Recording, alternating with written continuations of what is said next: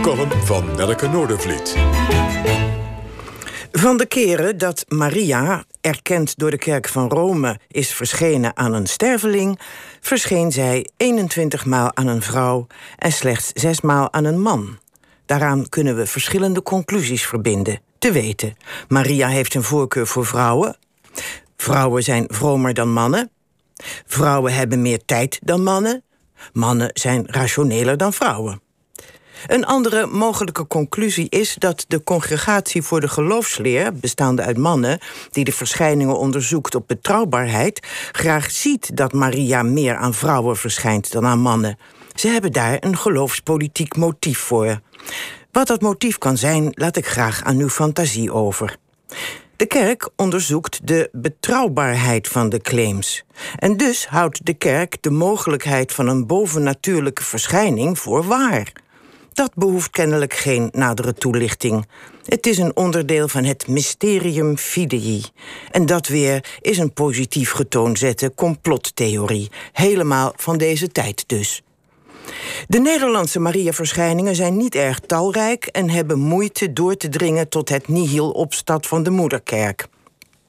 Ida Peerdeman, de bedenkster van de Vrouwen van alle Volkeren, werd met hangen en wurgen toegelaten tot de kanon van Maria-zinneressen. Bisschop Punt van Haarlem heeft hemel en aarde bewogen haar tot de kasten van erkende mediums te bevorderen. Nu was Maria ook wel erg nadrukkelijk aanwezig. Liefst 56 keer liet zij zichzelf zien. Als je het dan nog niet doorhebt. De mij meest aansprekende verschijning van de Heilige Maagd vond plaats niet zo lang geleden en niet zo ver van de straat waar ik woon. Onze lieve vrouwen ter staats. In 1988 merkte een drietal stamgasten van café Tremlijn Begeerte een groenige gloed op die op enkele meters van de nabijgelegen koffieshop verscheen. In de gloed zagen ze een vrouwenfiguur. En vervolgens werd het geheel afgebakken met wat rukwinden. Er werden nieuwe verschijningen aangekondigd. Een vrome menigte van enkele honderden nieuwsgierigen verzamelde zich op het terras van Tremlijn Begeerte. Weer werd de gloed waargenomen. In de kelder van het café ontsprong een geheimzinnige bron, die helaas niet voor pelgrims toegankelijk was. Er dreigden ongeregeldheden door de massale toestroom van Maria-aanbidders.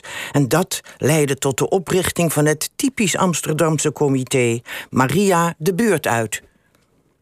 Ik ben als boreling gedoopt in een ijskoude kerk en opgedragen aan Maria bij haar altaar. Prompt kreeg ik een bijna dodelijke, zware bronchitis te verwerken. Maar ja, daar moet ze dan toch ook iets mee te maken hebben gehad? Ja. En die Maria-verschijning uh, uit 88 staat die ook in het lijstje van 21 en 6? Of, uh?